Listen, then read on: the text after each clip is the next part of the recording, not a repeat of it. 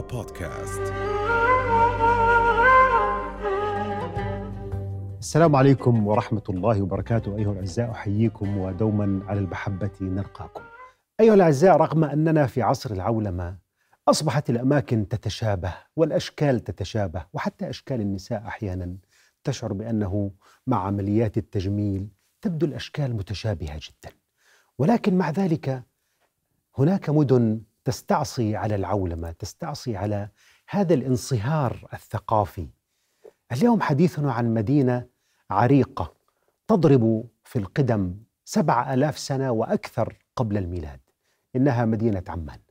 هذه المدينة التي ليس فقط قدرنا أن نكون أبناء هذه المدينة الجميلة ولكن هذه المدينة التي حملت كل ألوان العرب ليس جيشها فقط هو الجيش العربي وإنما هي أيضا مدينة العروبة هذه المدينة التي ربما ربما نشعر بأننا قصرنا في حقها كثيرا. اليوم معنا في هذه الحلقة أردني مفكر ومؤرخ أردني الأستاذ عمر العرموطي صاحب أكبر موسوعة في تاريخ العواصم وموسوعة عمان. أهلا وسهلا أستاذ عمر. أهلا أستاذنا الدكتور عامر الحافي فيك. بشكرك على برنامجك الرائع الهادف وبشكر رؤيا على اهتمامها بالعاصمة عمان فأقول أحييكم في هذا الصباح العماني الجميل من سيدة الجميلات وسيدة العواصم وأجمل عاصمة في الدنيا إنها عمان. جميل. يعني أستاذ عمر يعني بداية نحن نحتفل كثيرا بالفنانين ونحتفل بالرياضيين ونحتفل لكن قليلا ما نحتفل بالمفكرين والمبدعين والمؤرخين. ولذلك يعني أشعر بأنه من واجبنا نحن في في هذا البلد أن نسلط الأضواء على من يؤرخ لتاريخنا نعم. على من يؤرخ لأوطاننا على من يؤرخ لعواصمنا لمدننا. وبالتالي أنا أنا الذي أشكرك الحقيقة بأن العفو. قبلت هذه الاستضافة أن تكون معنا العفو في, سيدي. في هذا اليوم الجميل العفو يعني أستاذ عمر بداية نحن نتكلم عن آلاف السنين يعني عمان ليست مدينة جديدة نتحدث عن العمونيين نتحدث عن الإغريق وقبلهم البابليين والفرس وبعد ذلك البيزنطيني البيزنطينيين أو البيزنطيين وثم بعد ذلك جاء الحضارة الإسلامية والحضارة الإسلامية بألوانها ال- الأمويين والعباسيين والفاطميين يعني هذه الكثافة الحضارية. كيف يمكن لنا لو كتبنا آلاف ربما مؤلفة من من الصفحات؟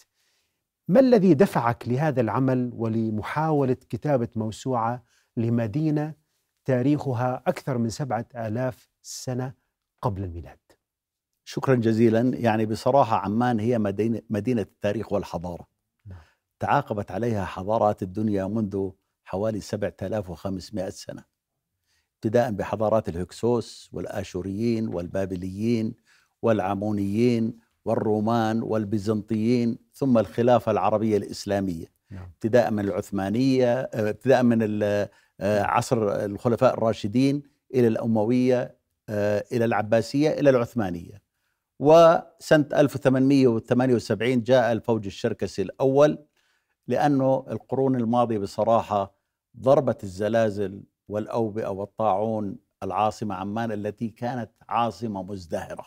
جميل. فبعد أن ضربتها الزلازل والأوبئة والطاعون تقريبا عمان صارت خاوية من السكان ما عدا عشائر بلقاويه عمان التي تحيط بعمان إحاطة السوار بالمعصم. واللي بيعتبرهم عمانيين. نعم. كانوا كل يوم يجيبوا جمالهم وماشيتهم يرتووا من آه، سيل عمان ويحطوا قرب الماء وبروحوا. فعمان مدينة ضاربة في التاريخ. إلى أن جاء الفوج الشركسي الأول ثم آه، جاء الخط الحد الحديد الحجازي عام 1903 إلى 8 زادت أهمية عمان إلى أن توج هذه الدفعات بمجيء الملك المؤسس عبد الله الأول بن حسين طيب الله ثراه عام 1921 واتخذت عاصمة فأعطى دفعة كبيرة نعم. الحديث يطول جميل. لكن سألتني ليش اهتميت بعمان ولماذا عمان بصراحة أنا عماني حتى النخاع نعم. وأحب عمان لدرجة إنه بعد ما انتجت الموسوعة المكونة من 11 جزء حوالي 7500 صفحة واشتغلتها ب 14 سنة صاروا يسموني عاشق عمان وأنا أعتز بهذا اللقب نعم. إحنا جذورنا بعمان كعائلة آه، ضاربة في التاريخ وأحد جبال العاصمة الحمد لله باسم مرحوم جدي وبعرف العمانيين وعلى صلة وثيقة وبحب عمان من هالمنطلق فكرت في الكتابة عن عمان اعتقدت إني مؤهل نعم. إني أخوض هالغمار نعم. لذلك نشأت الفكرة أني أصدر كتاب عن عمان أصدرت كتاب بعنوان عمان أيام زمان ورعى إشهار الكتاب الله يعطيه الصحة آه، دولة معروف باشا البخيت. هنا في آه، آه، مجمع الملك حسين الثقافي تبع أمانة العاصمة. وأذكر ما قاله الباشا البخيت بقول لي يعني من أمتع الكتب اللي تذوقتها وقرأتها وفي معلومات هامة عن عمان لكن أنا عاتب عليك لأنك ما ذكرت حي المحطة اللي تربيت فيه زائد أنصحك نصيحة. نعم. وبعدين ذكرت ولا آه. في مجلدات لا، أخرى ذكرت- ذكرت؟ ذكرت. نعم. أنا بدي أنصحك نصيحة. خليك ماشي. أنت بتقدر تجمع معلومات كثير مليحة عن عمان. وفعلا مشيت على هالنصيحة. وحدك. يعني- فهذا الجزء الأول نعم. دمجناه بالموسوعة بأول أربع أجزاء. نعم. وعملنا احتفال وطن في المركز الثقافي الملكي برعاية سمو الأمير حسن. وكرمنا خمسين من رجالات الرعيل الأول. هذا كان له أثر طيب. اللي أسسوا وهذا كله بنوا. بجهد فردي بجهد والله فردي. جهد فردي. يعني ليست لكن كنت أشكل مؤسسة فريق- وليست كنت نعم. أشكل فريق للدعم اللوجستي. نعم. يعني طابعة ومنسق ومصور ومؤرخ يراجع لي ومدقق لغوي. كنت أشكل ف- نعم. فريق لكن للدعم اللوجستي. يعني هل نستطيع أن نقول أن الدافع الأول هو حبك وعشقك لعمان؟ نعم. وأنت هون ذكرتني بكلام للإمام الشافعي. نعم. الذي آه، آه، مكث فترة في منطقة غزة نعم. في جنوب فلسطين.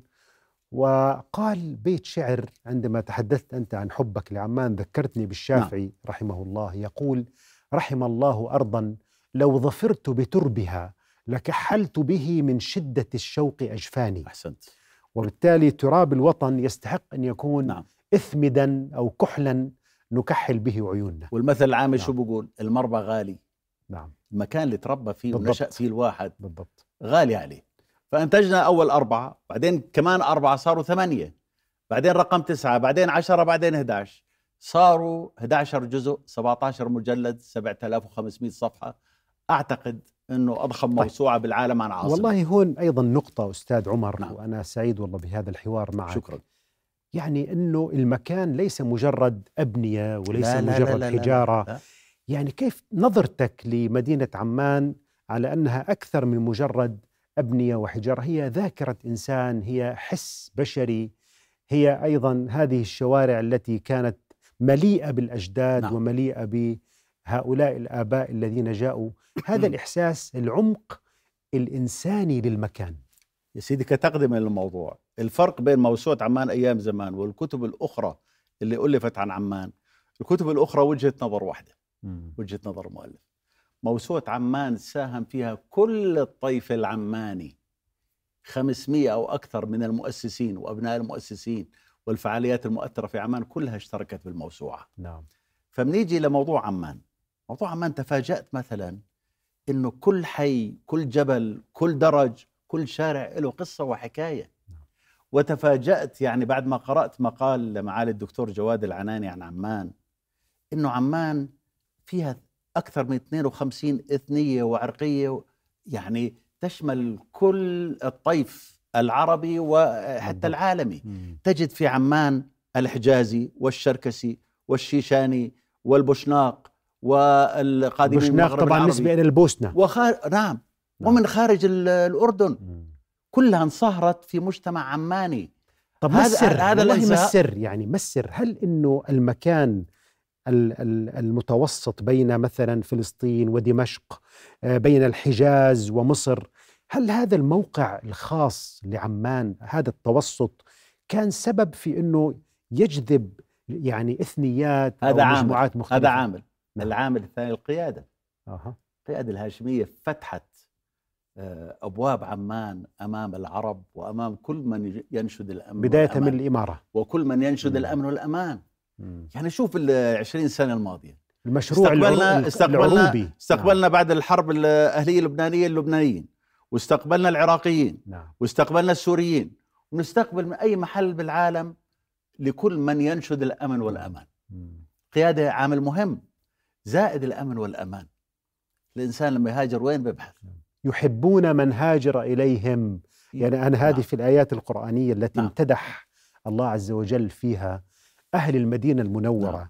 فقال يحبون من هاجر إليهم. صحيح. وبالتالي كأنه هذه الصفة صفة أهل المدينة الذين استقبلوا النبي صلى الله عليه وسلم نعم. كأنه توارثها أهل عمان. فصارت يعني- المدينة نعم. عاصمة المهاجرين والأنصار. جميل. جميل, وعمان هي كذلك. جميل. هي عاصمة المهاجرين والأنصار. جميل. قبل أشهر أو أسابيع جاء ضيف هنا على عمان آه، سماحة الشيخ عكرم الصبري بتعرفه؟ نعم خطيب الأقصى. المسجد الأقصى. وأنا أدرت الندوة فقلت له يا شيخ عكرمه عمان هي عاصمة المهاجرين الأنصار. قديش انسر وقديش ربطنا بين عمان والقدس الشريف. نعم. سبحان الذي أسرى بعبده ليله من المسجد الحرام إلى المسجد الأقصى الذي باركنا حوله. نعم. باركنا حوله. تشمل عمان. وبالتالي تشمل عمان. وفي عائلات مقدسية عمانية. أضرب مثل عائلة غوشة اللي طلع منها سماحة الشيخ عبد الله غوشة. كان قاضي القضاة وكان بالضبط. مقرب من الملك عبد الله آه عائلة العلمي. يعني مؤسسين هنا بعمان. بالضبط. عائلة مطاوع اللي فيها المرحوم معالي سمير مطاوع. نعم ففي نعم. ربط بين عمان والقدس. في شارع رئيسي من عمان بيطلع جودة للقدس جودة أيضاً. شارع القدس. عائلة جودة كذلك آه وعائلات كثيرة عائلات كثيرة في نعم. ربط وزائد يعني صحيح. المسافة الطولية بين عمان والقدس ليست آه، طويلة نعم نعم وفي شارع رئيسي بتعرفه شارع القدس بالضبط بخرج من عمان بصل القدس أكيد يعني ففي ربط يعني المسافة من عمان إلى القدس أقرب من المسافة من عمان إلى إربد بالضبط بالضبط يعني لولا لولا الاحتلال ولولا نعم. الاستعمار الإسرائيلي كان إحنا الآن نريد أن نتغدى بعد شوي ساعة زمان بنكون نتغدى في القدس أحسنت ولكن قاتل الله الاحتلال ففي يعني. نعم. صلة روحية بين عمان والقدس نعم. وتعززت بالسنوات الأخيرة بالوصايه الهاشمية نعم. اللي اطلقها. جلالة الملك أستاذ عمر عمان لها أسماء عديدة صحيح بل حتى اسم عمان كثير من الناس لا يعرفوا من أين جاء ما سر هذه خلي الأسماء خلينا نبلش باسم عمان نعم. عام 1200 قبل الميلاد العمونيون يقيمون دولتهم وعاصمتهم في جبل القلعة في عمان. وخير شاهد القلعة الموجودة بجبل القلعة. نعم. هنا كانت آه، عاصمة العمونيون. في البداية سموها ربة عمون ربة تعني دارة الملك أو العاصمة وعمون نسبة للعمونيين. بمرور الوقت سقطت ربت وظلت عمان. عام 285 قبل الميلاد أنطونيوس الثالث زعيم البطالسة اليونان يغير اسم عمان إلى فيلادلفيا. فيلادلفيا تعني مدينة الحب الأخوي وعمان هي كذلك مدينة محبوبة. يعني اسم وفعل. وصديقة والكل بحبها اسم وقول. والكل بحبها وفعل. آه. نعم. وكثير من الناس إجوا على عمان واستوطنوا فيها انفتحت أمامهم أبواب الرزق وشعروا بالأمان بعمان. نعم. فهي مدينة صديقة بصراحة. ومن أسماء عمان عاصمة المهاجرين والأنصار. بعد الهجرات من إخواننا الفلسطينيين بعد الحروب اللي صارت آه، نزح قسم كبير من إخواننا الفلسطينيين إلى عمان. لذلك سميت بعاصمة المهاجرين والأنصار. جميل. وهذا شيء جيد بالنسبة لعمان. والله هون مدينة هون الأدراج. آه في أسماء أخرى أيضا. آه طبعا. مهم. مدينة الأدراج. نعم. أحد أس أسماء عمان. ليش سموها مدينة كثرة الأدراج؟ الأدراج التي فيها؟ كثرة الأدراج لها سبب. يعني بأواخر القرن التاسع عشر أوائل القرن العشرين كانت وسائل المواصلات شبه معدومة باصات تاكسي ما في. نعم. يا إما على الدواب أجلكم الله يا إما على الأرجل. لكن الأدراج كانت أحسن وسيلة. الأدراج تنزل من أعالي الجبال إلى قلب المدينة. مم. فبنزل وقت, العماني وقت قصير. نعم. بنزل العمونيين منها وبيطلع العمانيين آه، بالعكس. فكانت هذه الأدراج وهذه الأدراج لها قصة وحكاية. جميل. كل درج سمي على اسم عائلة ومنها مثلا درج الكلحة درج الزعامطة على آل الزعمط درج السراج درج مانجو. فإلها قصة وحكاية نعم. بصراحة. وأنا نعم. ناشدت آه، معالي أمين عمان أنه هذه الأدراج بما أنها تاريخ وحضارة بالنسبة لعمان أن يتم شمولها ضمن التراث العالمي اليونسكو كما. شملنا قبل سنوات مباني السلطة القديمة. فوجهت النداء إلى معالي أمين عمان. والاسم الآخر مدينة الأمن والأمان. والاسم الآخر عرين الهاشميين. نعم. عميد آل البيت جلالة الملك والملوك الهاشميين آه، يعني عرينهم هي عمان. نعم. جميل. يعني أستاذ عمر قبل دخول المسلمين ودخول الإسلام إلى هذه نعم. المناطق بلاد الشام عموما يعني الأردن وفلسطين ولبنان وسوريا. كان فيها الرومان والبيزنطيين. بالضبط ونسبة كبيرة من سكان نعم. هذه المناطق صحيح. كانوا مسيحيين. صحيح. وبالتالي نحن أهل بلاد الشام جزء كبير كان نعم. يعتنق الديانة المسيحية. صحيح. ولكن أنا لاحظت شيء أريد منك أن تفسر هذا الشيء. أن الكنائس التي بنيت منذ تقريبا 400 أيام البيزنطيين إلى 800 من القرن الرابع تقريبا إلى القرن الثامن حتى بعد دخول الإسلام هناك كنائس أثرية اكتشفت أي أنه بعد دخول الإسلام إلى الأردن بقيت الكنائس تبنى بعد دخول الإسلام. واكتشفت في مناطق في عمان حتى في الجبيهة وفي ياجوز وفي مناطق الأمير. بالضبط عراق الأمير أماكن لكنائس أردنية قبل الإسلام وبعد الإسلام. نعم صحيح. ملاحظتك على هذه ال- العلاقة التي بدأت تنشأ بين المسلمين والمسيحيين نعم. في الأردن وبالذات في عمان. يا سيدي كتقدمة المنطقة اللي إحنا فيها ما فيها عمان والأردن آه، كانت تحت نفوذ الرومان والبيزنطيين. وكان معظم السكان آه، آه، هم من إخواننا المسيحيين. نعم. هلا ال- الفتح العربي الإسلامي 14 هجري 635 ميلادي وقائد الجيوش الإسلامية هو يزيد بن أبي سفيان اللي فتح المنطقة ما فيها عمان ويقال عسكر في جبل القلعة. نعم. الآن تعرف سماحة الإسلام لا إكراه في الدين. اللي بيحب يدخل بالإسلام أهلا وسهلا. اللي بيحب يظل مسيحي يظل مسيحي. وظلينا على هذه الأخوة والتكاتف منذ العهد عهد العمرية إلى الآن.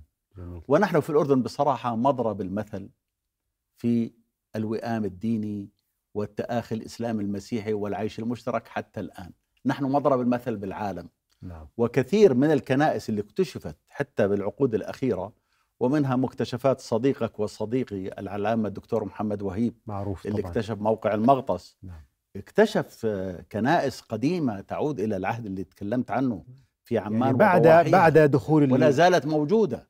المسلمين وهي أيضا إشارة وأنا مهمة. أنا بعطيك مثل في عمان. نعم. انظر إلى مسجد الشهيد الملك عبد الله الأول بن حسين. إيش في مقابله؟ كنيسة الأقباط. كنيسة الأقباط الأرثوذكس. الأرثوذكس. يعني عيش مشترك وتآخي إسلامي مسيحي وعززتها بالعقود الأخيرة مؤتمرات للوئام بين الأديان. والله ذكرتني فالأردن- آه. يعني أستاذ عمر واعذرني على المقاطعة. كنت في جمهورية تترستان في روسيا نعم. وهي جمهورية كبيرة أيضا. وهناك آه، طبعا ال- ال- الروس الأرثوذكس وربما سنعود لنتحدث عنهم عندما نتحدث عن الشركس ومجيء نعم. الشركس. لكن الحقيقة أن هناك أيضا نوع من الوئام في جمهورية آه، تترستان. نعم. فأنا عندما طلبوا مني الحديث عن يعني العلاقات الإسلامية المسيحية قلت لهم أن هناك كنيسة بنيت في منطقة المغطس بجوار نهر الأردن. صحيح. كنيسة أرثوذكسية روسية. والأرض أعطيت لهذه الكنيسة من الحكومة الأردنية لتبني أو لتبنى تلك الكنيسة. وبالتالي حتى نحن في الأردن منفتحون على الكنيسة الأرثوذكسية الروسية. وهذا أيضا سيجعل العلاقات الإسلامية في تترستان مع المسلمين. عندما ينظروا إلى النموذج الأردني كيف أنه يحترم ويعطي مجال للكنيسة الأرثوذكسية الروسية. أن تكون إلى جوار نهر الأردن. هذا سي- سيجعلهم يحترموا. المسلمين أكثر. نحن بالضبط. أسرة واحدة هنا. نعم. يعني أنت بتعرف يعني إحنا وإخواننا المسيحيين أسرة واحدة. بالضبط. وظهر منهم نائب رئيس وزراء وزير بلاط ووزراء وألوية بالجيش كل فعاليات المجتمع. و... وتجد منهم يعني من يفتخر يقول لك مزبوط أنا مسيحي. لكن ثقافتي عربية إسلامية. أكيد. مش هيك؟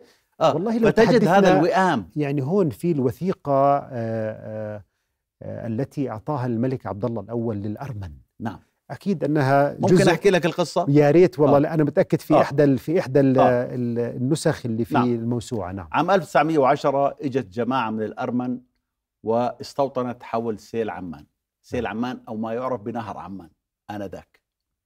وهذول إخواننا الأرمن يعني رحب فيهم آه، العمانيين القدامى والإخوان الشركس ورحب فيهم آه، عشائر بلقاوية عمان ومنهم الشيخ منور الحديد والشيخ شاهر الحديد. وبعد ذلك كانت علاقاتهم طيبة منذ عام 1921 بالملك المؤسس وأعطاهم وثيقة نعم. ورحب فيهم. تخيل لدرجة أنه خياط الجيش كان اسمه هايك بلتكيان أعطوه لقب باشا وتخيل أنه بالستينات مدير أم الأمن العام كان أرمني. نعم. اللواء كريم أوهان شو بدل هذا الحكي يدل على أنه لا يوجد تمييز لا. بين الأردني المسلم أو كل- المسيحي كل عماني أو هون. آه، مع نعم. احترامنا لخصوصيتهم آه، إكمال الحديث الأخوان الأرمن لما إجوا على سيل عمان امتهنوا بالمهن الدقيقة صناعة الشوك والسكاكين والتصوير لذلك ظهر منهم أمهر المصورين وكان نعم. آخرهم السيد زهراب نعم مصور المرحوم ملك حسين وامتهنوا كذلك بالخياطة والرتي. بعد ما تحسنت أحوالهم فكروا ينشئوا حي لهم. المربى غالي زي ما حكينا. أكيد. ومحل تربى فيه.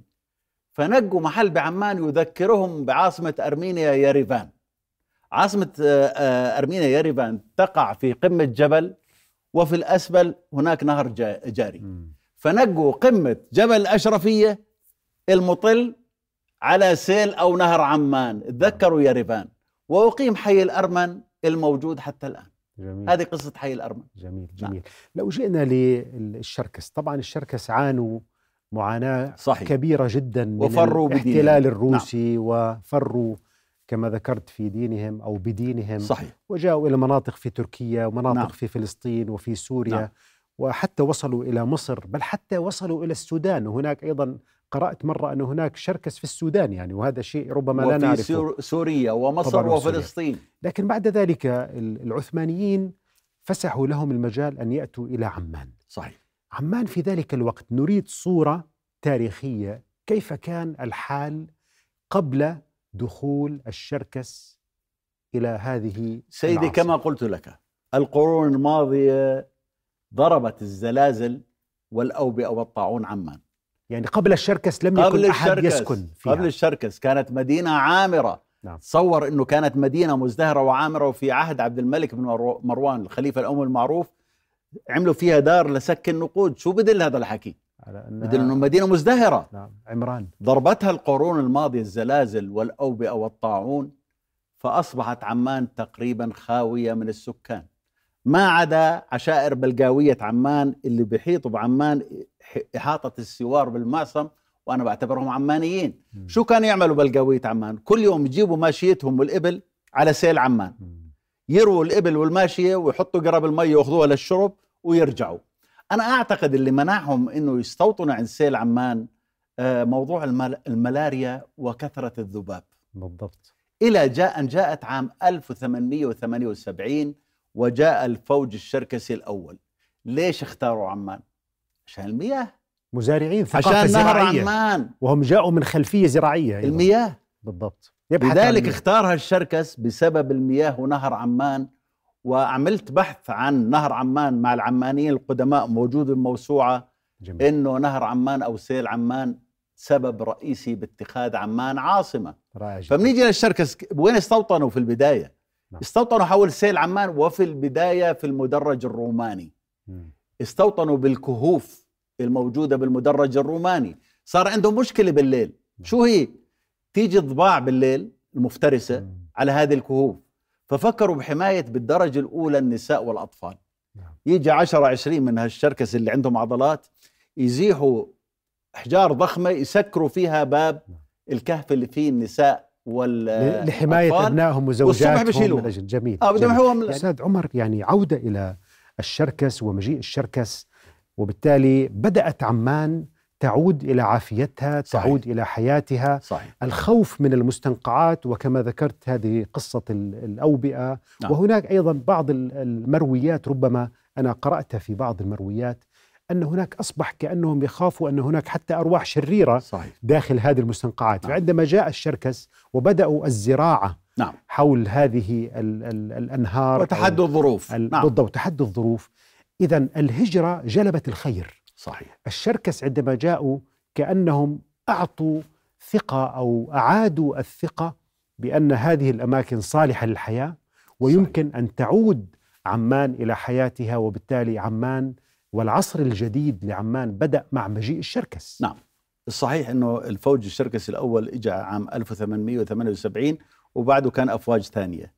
فشكلوا الأحياء الشركسية بعمان اللي هي حي الشاب سوغ اللي هي جبل القلعة مقابل جبل الجوفة وحي المهاجرين اللي عند مباني أمانة عمان الآن وعند معروف. النادي الأهلي وحي القبرطاي في جبل عمان. هذه الثلاث أحياء الشركسية اللي شكلت في عمان بعدين بيادر وادي السير والأحياء الثانية. نعم. لكن هذه كانت البداية والشركس هم مزارعين بالأصل. وطوروا أشياء في عمان ومنها العربات اللي بتجرها الثيران. كان يحطوا فيها محاصيل أو ركاب. نعم. وطوروا زراعات. أنا أنا من الناس اللي بتذكر بأوائل السبعينات وآخر الستينات منطقة حي المهاجرين. لما كان السيل والمي ماشية وحولها أشجار الدفلة ويصطادوا السمك من السيل ومزارع الخس والفجل والبقوليات كانت من أجمل ما يمكن. نعم. فالشركس عملوا يعني زراعات نهضة معينة. زراعية. آه وكان لهم مساهمات طيب ماذا عن عن الشيشان؟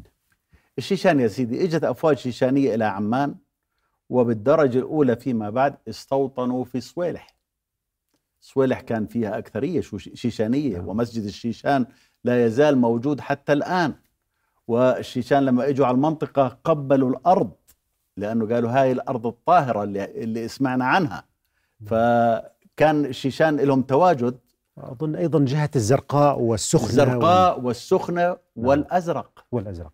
أزرق. الشيشان وأزرق غندوز نعم. وكان في موقف للشيخ حديث الخريشة معهم موقف إيجابي هناك بالأزرق. فالأردن يعني استقبل هجرات من كل أنحاء العالم. الاكراد أكراد والبوشناق بعدين الأكراد يعني هل جاءوا مع صلاح الدين أو هناك من يقول إنه جنود صلاح الدين كان في عدد كبير منهم أكراد وبالتالي هل بدأ. هذا صحيح استيطان لكن... الأكراد في تلك المرحلة ومر من عمان بالمناسبة بعدين صلاح تخيل بالسلطة هسه شو في وادي وادي الأكراد نعم. مثلا. قصة مرور صلاح الدين من عمان يعني مرت معك هذه الحادثة عندما قلعة الكرك وال ما فعله يعني هو مر من المنطقة. نعم. آه هل هناك أي يعني قلعة الربض في عجلون خير الشاهد؟ بالضبط. ويعني كانت جيوشه يعني يعني تشكلت بالمنطقة هذه. فالأكراد بعد آه، ما تم إحياء عمان من جديد قبل نهاية القرن التاسع عشر برضو هاجروا إلى عمان واستوطنوا فيها وظهرت منهم شخصيات كبيرة. رئيس وزراء مثل سعد جمعة آه، تربوي قديم مثل آه، آه، علي سيد الكردي والد نعم. أشرف نعم. الكردي وكتاب وأدباء وظهر يعني من بناة عمان بصراحة عائلة عريقة معروفة بعمان نعم. جميل يعني لو انتقلنا إلى أسماء المناطق داخل عمان يعني هناك أنا بعطيك بعض التسميات احياء, أحياء يعني نعم. ربما نحن الذين نسكن عمان لا نعرف يعني إلى ماذا تعود يعني مثلا جبل الجوفة سمي جبل جبل الجوفة نعم. بسبب كثرة التجاويف ومنها الكهوف اللي بالمدرج الروماني. نعم. وتخيل إنه عمان كيف عروبية. آه، مطلع الستينات بالقرن الماضي أمين العاصمة السابق المرحوم ضيف الله الحمود الخصاونة غير اسم جبل الجوفه إلى جبل الجزائر نصرة لكفاح الشعب الجزائري. وغير الاسم على الباصات والآرمات.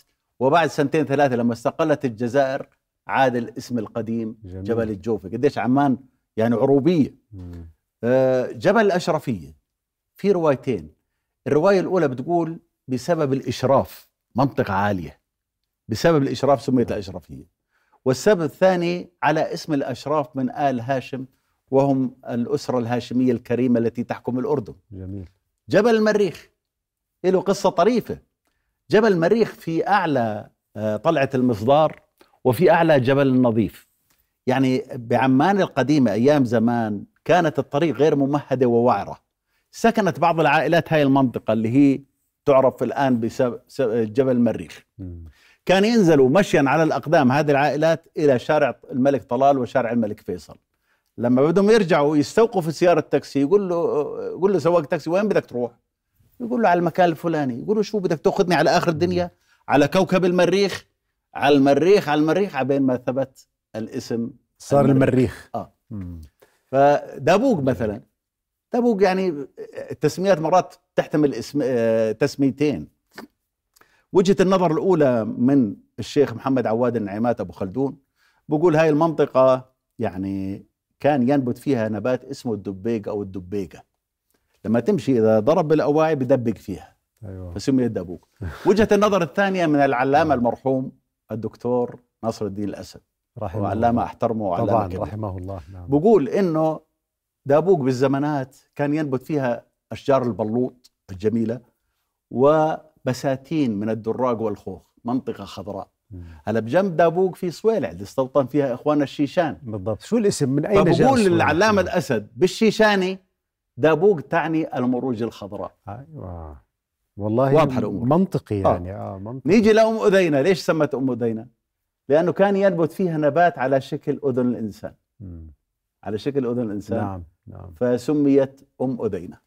جميل. وتسميات أخرى إذا بدك يعني بكمل. والله يعني طيب يعني أستاذ عمر نحن نعرف أن عام 1948 كان عاما مختلفا عن كل الأعوام. صحيح. هذا عام يعني عام النكسة. مؤلم عام مؤلم لكل قلوب ليس فقط الفلسطينيين. عام النكبة.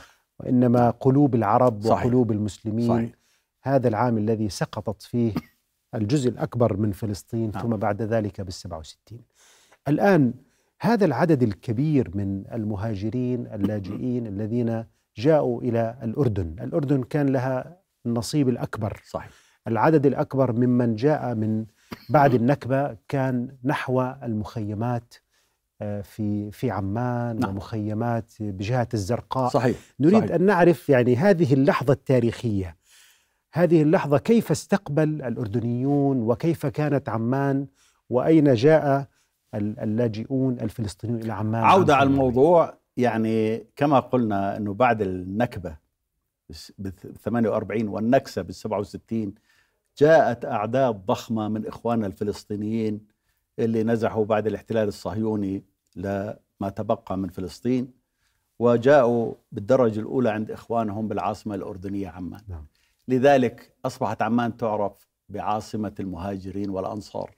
تصور انه عائلات أردنية كثيرة تقاسموا الرزق وتقاسموا البيت مع نعم. إخوانهم المهاجرين بالضبط وقالوا لهم خلوكم أشهر خليكم سنه سنة عبين ما تدبروا حالكم نتقاسم البيت والرزق معاكم مم. فهذه الأريحية نعم. زائد أقيمت مخيمات للاجئين في عمان ومنها مخيم الوحدات ومخيم الحسين مثلا حتى في حي نزال يعني عدد حتى في كبير مقابل حين أو نزال جبل. النظيف في جبل النظيف نعم. في مخيم هناك بالضبط لمحسن شركسي اسمه محمد أمين حبجوقة قال لهم ابنوا عليه وبنوا يعني نعم. بدون تراخيص صار مخيم لهم نعم هلا تتخيل مخيم الوحدات مثلا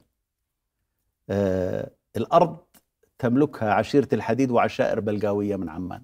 أيوة. وقيمة الإيجار السنوي ل 100 سنة بعرفش والله 10 ولا 20 ولا شيء 30 رمزي. جدا. شيء رمزي جدا.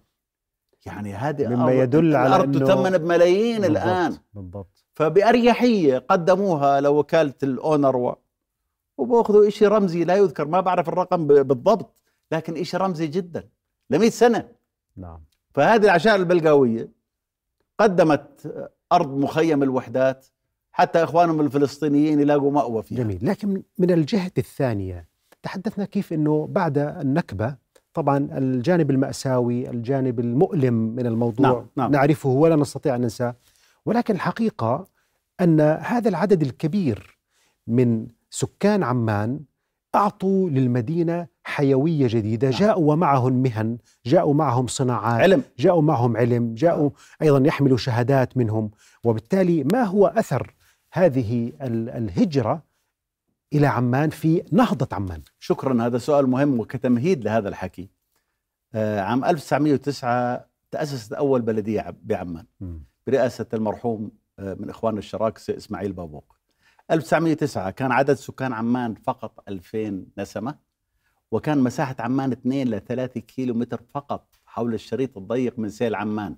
يعني تقريبا من مباني الأمان الحديث الآن إلى مباني الأمان القديمة فقط. هذه المنطقة. فقط 2 ل 3 ما كان لا جبال ولا مناطق مم. ثانية. هاي كانت عمان. الآن عدد. سكان عمان. في الخمسينات دعنا نقول ما الذي حدث في بداية الخمسينات؟ طبعا راح أحكي لك. حتى نقارن يعني. عدد سكان عمان الآن أكثر من 4 ملايين نسمة ومساحة أمانة عمان الكبرى حوالي 800 كيلو متر مربع تطور مذهل. صحيح. نيجي لموضوع النكبة. النكبة والنكسة ومجيء مئات الألوف وأعداد غفيرة من إخواننا الفلسطينيين هذه عملت نقلة بالحياة بعمان. أولا ازدادت المصاهرة. يعني الطرفين صاروا يتزاوجوا من بعض. نعم.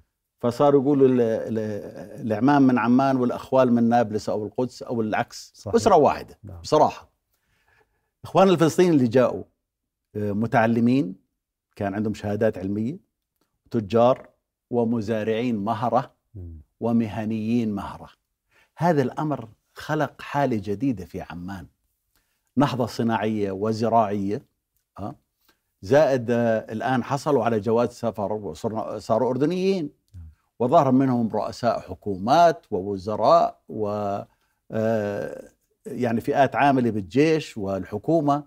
فتقاسمنا رغيف الخبز لكن أسهموا في النهضة الكبيرة في لو عمان. لو اخذنا توسعت عمان توسع مذهل نعم. حتى صار إرباك بقطاع الخدمات من العدد. جميل. هنا أستاذ عمر يعني لو أخذنا الجانب الزراعي نعم. يعني كان خضوري أو خضوري اللي هو نعم. المعهد الزراعي صحيح. الذي كان في فلسطين كان تخرج منه ناس حتى يعني يذهب بعض ال- الأردنيين يعني من شرق الأردن ليدرسوا الزراعة وكان منهم. المرحوم مروان الحمود آه. بالضبط فعندما جاء من يعرف الزراعة أكثر ومن لديه هذه المهارات الزراعية أكثر يعني أكيد أن هذا انعكس انعكاس كبير على صاروا يزرعوا الأشجار نعم والمجاثي البطيخ والشمام والذرة الصفراء والدخان والزراعات الصيفية آه، صاروا تجار مهرة صاروا صناعيين مهرة.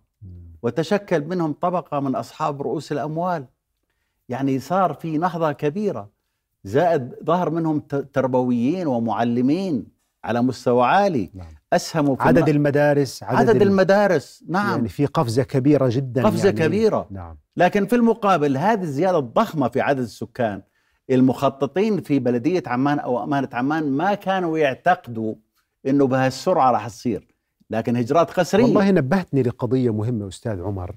أنا كنت أقرأ يعني في أحد المراجع فيقول أن عمان من أكثر دول العالم التسارع في زيادة السكان مش طبيعي. والنمو مش طبيعي يعني حالة استثنائية جدا حالة استثنائية وأنا ما زلت أذكر الدكتور كامل أبو جابر رحمه الله, الله يرحمه. كتبت كتاب كامل صحيح مذكراته مذكرات نعم. للدكتور كامل صحيح. أبو جابر مرة كنا نتحدث فيقول إنه عمان يعني مرت بها أربع مراحل يعني مرحلة ال- ال- البداوة ومرحلة ال- الإقطاعية والزراعية وال يعني خلال أقل من مئة سنة الأردن مر بها تاريخ البشرية صحيح. كأنه كله ولكن صحيح. في فترة وجيزة جدا. والله صحيح.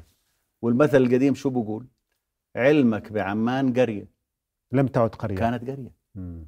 يعني لما نقول لك 1909 تشكلت بلدية عمان 2000 نسمة و2 ل 3 كيلو متر مربع حول السيل كانت قرية بصراحة. جميل. بعدين إجت هالطفرات والهجرات. مش بس الهجرة اخواننا الفلسطينيين. نعم. يعني هال20 سنة شو إجانا؟ إجانا مليون مليون ونص. صحيح. يعني يلا يلا المي مكفيت ال- النكبات الجديدة النكبات التي الجديدة. حدثت هذه المرة بأيدي العرب للأسف وليس بأيدي بس هذا الصهاينة شو بدل؟ نعم بتدل على أريحية النظام الهاشمي فتحنا ذراعنا لكل المهاجرين. وآويناهم وسكناهم وزودناهم بالتعليم والصحة وإلى آخره لو أخذنا يعني أستاذ عمر بعيدا عن هذه الهموم والآلام يعني التي أكيد هي جزء أيضا من تاريخنا ومن صحيح. مدينة عمان نعم. ولكن لو أخذنا الجانب ال- الإنساني البسيط يعني المرأة العمانية إذا صح التعبير. نعم. يعني لو نظرنا لهذه المرأة العمانية كي- كيف كانت ماذا كانت تلبس؟ ماذا كانت تعمل؟ يعني هل يمكن أيضا أن يا سيدي المرأة العمانية أيام زمان يعني للأمانة كحال باقي الدول العربية لم يكن لها الدور اللي موجود الآن. لكن بنفس الوقت كانت المرأة العمانية جزء من الاقتصاد العماني والأردني. هلا كان بزمان بعمان شيء اسمه اقتصاد الحاكورة. كل دار حواليه زارعين الأشياء المتطلبات البيت وأشجار وعنزة شامية بيحلبوا منها وبيسووا منتجات الألبان وتغزل وتخيط. فكان البيت مكتفي ذاتيا بصراحة. على عكس الآن المرأة مدبرة آه بالضبط. ولها دور كبير في نعم، الاقتصاد المنزلي. نعم على عكس الح... الآن آه، الأحوال كل شيء من السوبر ماركت نعم. بصراحة. فكان في اختلاف كثير. ولم يكن كل الشعب موظفين. آه، الشعب كان يعني مزارعين وبرعوا أغنام وإلى آخره. فكان في يعني اختلاف كبير بين وضع المرأة العمانية زمان والآن. الآن زي ما بتعرف صارت وزيرة صارت لواء بالجيش وصارت نائب رئيس وزراء. كل المهن. يعني بالزمانات تخيل ما كان في بعمان السوق سيارة إلا واحدة بس. ومين هي؟ من هي؟ سعاد. بنت توفيق باشا أبو الهدى رئيس الوزراء. كانت هي الوحيدة اللي معها رخصة سواقة. نعم. بالزمانات كان دورها يقتصر على التعليم لأنه بلشت المدارس البنات ما كانت موجودة. نعم. صارت آه، مدرسة ال CMS الأهلية عام 1927 بعدين م- مدرسة المطران 1936 بعدين مدرسة الملكة زين الشرف. هذه مدارس البنات يعني ما كانت موجودة أول. والله ذكرتني برشيد طليع. اول يعني أول أول رئيس وزراء نعم. أردني في عهد الملك عبد صحيح. الأول وكان درزيا نعم. يعني الإطلالة أيضا على إخواننا الدروز كذلك نعم. الحال يا سيدي إخواننا. الدروز بصراحة من ضمن اللي هاجروا لعمان وأنا التقيت فيهم وسويت مقابلات معهم حتى أنه تصور إنه لما اجى آه، غزو الإخوين أو الإخوان على آه، باتجاه عمان والأردن آه، بالعشرينات شكلوا زي سرية وقاتلوا إلى جانب بني صخر والشيخ متقال الفايز ضد الغزو اللي آه، نحو الأردن نعم. بعدين الدروز يعني ظهر منهم رجالات وجاء سلطان الأطرش ضيفا على الملك المؤسس ونزل في فندق فيلادلفيا وظهر منهم يعني أصحاب آه، مصانع وأصحاب مهن وزي ما تفضلت أول رئيس وزراء كان درزي اللي هو رشيد طليع هذا. شو بدل؟ بدل على الأردن الأردن اللي فيه آه، الفسيفساء الجميل من كل يعني ليس فقط الأعراق لا، وإنما لا، لا. حتى المذاهب وحتى حتى الأديان. المذاهب. وكلها انصهرت بمجتمع عماني. جميل. وهذا على رأي معالي الدكتور جواد العناني أنه يثري المشهد الثقافي. مش سلبي إيجابي. طب والله أستاذ عمر يعني هناك كثير من العمانيين وأنا يعني مواليد عمان ومواليد عماني يعني. آه، جبل الحسين نعم، دوار نعم. فراس تعرف هذه المنطقة؟ أكيد. يعني الآن الخوف على مستقبل آه، عمان الخوف على البصمة الحضارية لعمان. يعني ربما بدقيقة واحدة في نهاية هذا المطاف. سيدي ما هو مستقبل هذه الثقافة العمانية هذه الروح العمانية؟ عمان ظاهرة تدرس؟ عمان ظاهرة تدرس. نعم. وأنا خلاصة الخلاصة اللي طلعت فيها من خلال هالموسوعة اللي قعدت 14 سنة 11 مجلد إنه الآن يوجد مجتمع عماني جديد. يختلف كثيرا عن المجتمع الأول من حيث التركيبة السكانية والعادات والتقاليد. نعم. في مجتمع عماني جديد. أول كانوا العمانيين يعرفوا بعض. إذا نزل على السوق يسلموا على بعض يعرف بعض. صحيح. الآن العمانيين القدامى هم أقلية ضمن هالخلطة الكبيرة. عمان صارت فسيفساء جميل من مختلف أنحاء العالم. ما كان هذا الشيء أول. هذا إذا رحت على واحد من المولات تتفرج بتلاقي هيئة أمم قدامك. بالضبط. السريلانكي والفلبيني والمصري والمغربي والأوروبي كلها هذه ما. كانت بعمان أول. لكنها أيضا هي صورة جمالية لا صورة تتناقض جمالية. مع هوية عمان القديمة. أستاذ عمر العرموطي أشكرك. شكرا العفو. جزيلا. الحوار ممتع معكم والحديث عن عمان هو حديث عن الهوية بارك الله حديث فيك. عن مدينتنا التي نحب. شكرا جزيلا. شكرا جزيلا دكتور عامر الحافي وأشكر اهتمامكم بعمان. شكرا شكرا لكم. عمان هي أجمل عاصمة بالدنيا. وأنتم أيها الأعزاء إلى أن نلقاكم في حلقة أخرى. أستودعكم الله. رؤيا بودكاست.